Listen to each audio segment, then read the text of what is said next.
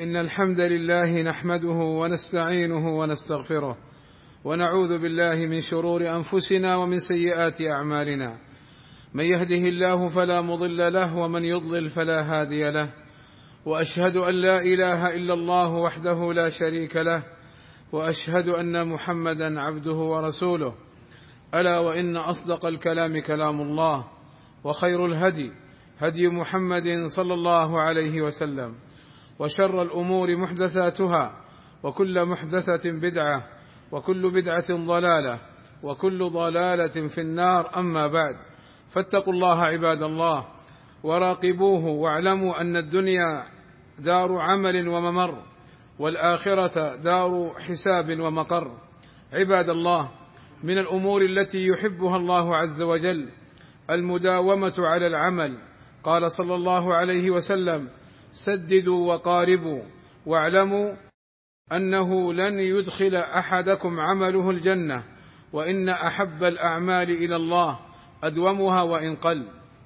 فقوله سددوا أي اعملوا الصواب والحق وقوله وقاربوا أي إن لم تستطيعوا إصابة الحق فكونوا قريبين من الحق بلا إفراط ولا تفريط.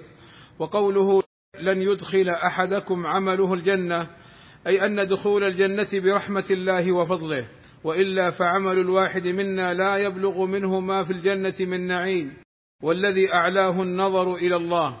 وإن كان العمل سبب لدخول الجنة لكن لا يغتر الواحد منا بعمله ويظن أنه يدخل الجنة بما عمل وأطاع. وأحب العمل والطاعة إلى الله ما داوم عليه العبد واستمر فلم يقطعه إلا لعذر كمرض أو سفر ثم يعود لفعله فقليل دائم خير من كثير منقطع. ومن الأمور التي يحبها الله عز وجل إتقان العمل. قال صلى الله عليه وسلم إن الله تعالى يحب من العامل إذا عمل أن يحسن. وقال صلى الله عليه وسلم إن الله يحب إذا عمل أحدكم عملا أن يتقنه.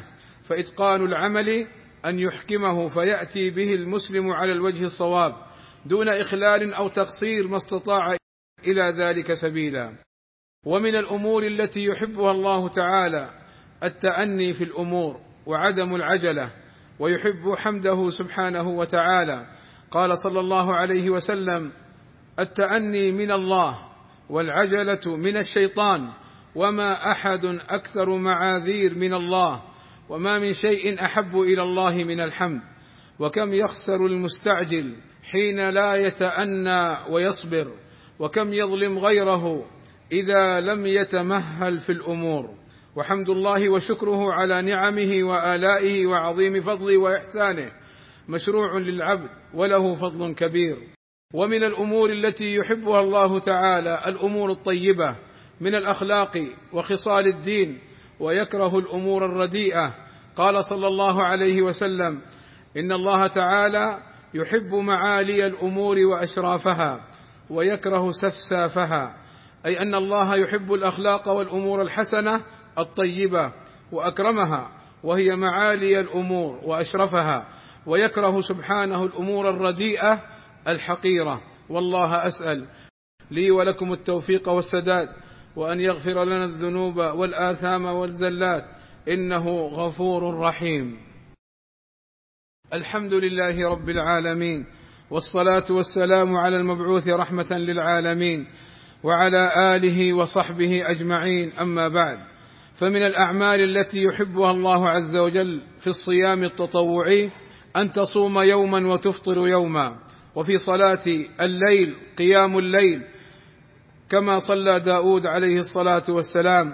قال صلى الله عليه وسلم أحب الصيام إلى الله صيام داود وكان يصوم يوما ويفطر يوما. وأحب الصلاة إلى الله صلاة داود كان ينام نصف الليل ويقوم ثلثه وينام سدسه. وهذا لمن كان يستطيع ذلك وأراد أن يكثر الصيام ولا أفضل من ذلك أن يصوم يوما ويفطر يوما. قال عبد الله بن عمرو بن العاص رضي الله عنهما لأقومن الليل ولأصومن النهار ما عشت. فقال له صلى الله عليه وسلم أنت الذي تقول ذلك؟ فقلت أنا قلته يا رسول الله. فقال صلى الله عليه وسلم فإنك لا تستطيع ذلك. صم وأفطر ونم وقم وصم من الشهر ثلاثة أيام فإن الحسنة بعشر أمثالها. وذلك مثل صيام الدهر. قال قلت إني أطيق أفضل من ذلك. فقال صلى الله عليه وسلم صم يوما وأفطر يومين. قال قلت إني أطيق أفضل من ذلك. فقال صلى الله عليه وسلم صم يوما وأفطر يوما وذلك صيام داود وهو أعدل الصيام. قال فقلت إني أطيق أفضل من ذلك. فقال صلى الله عليه وسلم لا أفضل من ذلك. قال عبد الله بن عمر رضي الله عنهما ولا أن أكون قبلت الثلاثة الأيام التي قال رسول الله صلى الله عليه وسلم كان أحب إلي من أهلي ومالي أي أن صيام يوم وإفطار يوم ثقل عليه لما كبر سنه. ومن الأمور التي يحبها الله عز وجل السماحة والسهولة في البيع والشراء وقضاء حقوق الناس. قال صلى الله عليه وسلم إن الله تعالى يحب سمح البيع سمح الشراء سمح القضاء أن يبيع ويشتري ويقضي حقوق الناس بسهولة ويسر ودون مشقة. ففيه الترغيب في السهولة في قضاء حقوق الناس وفي مطالبته غيره مما له عليه ولا يؤخر صاحب الدين مع قدرته على الوفاء ولا يضيق على المقل ولا يلجئه لبيع متاعه بثمن رخيص قليل. عباد الله إن الله وملائكته يصلون على النبي. يا أيها الذين آمنوا صلوا عليه وسلموا تسليما.